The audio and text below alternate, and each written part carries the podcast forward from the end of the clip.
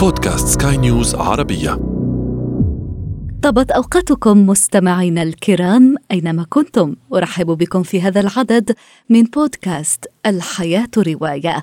كما القطار تمضي الحياة. دلالات عدة ارتبطت بذكر القطار في الأدب.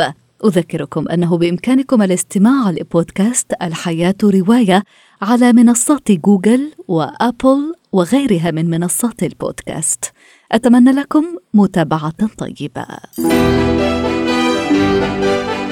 الحياة رواية.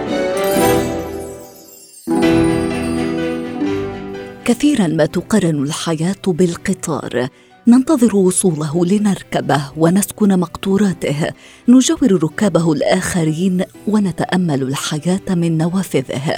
ثم نترجل مغادرين. عندما نصل محطتنا I saw her. I saw her from the train. موقف اعتاده الكمبيوترز أولئك الذين يستقلون القطار يوميا بين مساكنهم ومقار عملهم ويلمحون على الطريق المباني وساكنيها أحيانا لكن في هذه الرواية تطور الكاتبة البريطانية باولا هاوكنز هذا المشهد الاعتيادي من خلال شخصيتها الرئيسية ريتشل التي تنتقل عبر القطار صباح مساء من وإلى لندن. في كل يوم تجلس في نفس المكان وتراقب ما يدور خلف زجاج منزل يقع عند إحدى محطات القطار.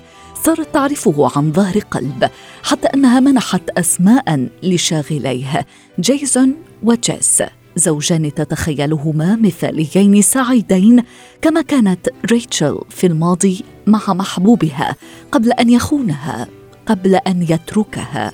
ولكن ذات صباح تلمح رجلا غريبا برفقة جيس عند النافذة. ما الذي يجري؟ أتخون جيس جيسون؟ أياما قليلة بعدها.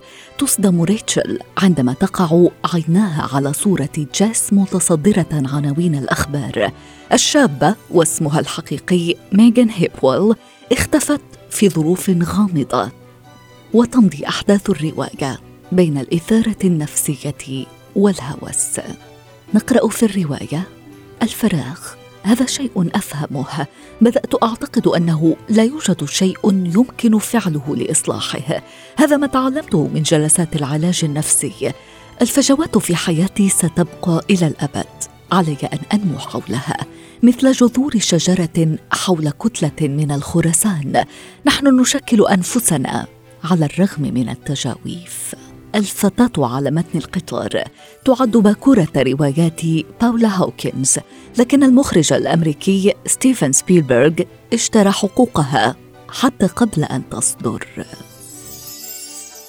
رواية من كلاسيكيات القرن التاسع عشر صدرت للأديب الفرنسي إيميل زولا في العام 1890 الوحش البشري الرواية السابعة عشرة من سلسلة غوغون ماكاغ. في سياق حقبة الثورة الصناعية تطور القطارات وشبكة السكك الحديدية يبدع زولا ما يمكن أن يصنف اليوم في خانة القصة البوليسية ويضع التطور الصناعي في مسار موازن للإنحلال الأخلاقي. تماما كما تندفع قاطرة بخارية تستهلك وقودها بشراهة يمضي الإنسان وراء نزواته غير عابئ بشيء. رواية سوداء كسواد فحم الثورة الصناعية نصادف فيها الموت أينما وجد الحب. شخصيات تقتل بعضها البعض لأنها تحب بعضها البعض دون أن يتمكن أحد من تفسير ذلك إلا ربما بغريزة رجل الكهف الذي كان يقتل في أعماق الغابة. عدد الشخصيات التي تحركها الرغبة في القتل يصل حدا غير معقول في هذه الرواية. إن كنت تبحث عن مصالحة مع الجنس البشري قطعا لن تعثر على مرادك في أدب زولا. وعنه نقتبس من سطور هذه الرواية. إنه اختراع جميل.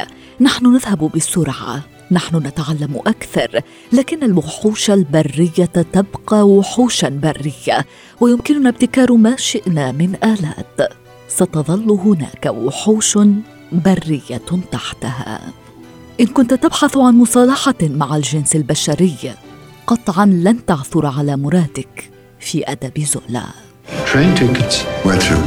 Lisbon, leaving in 15 minutes.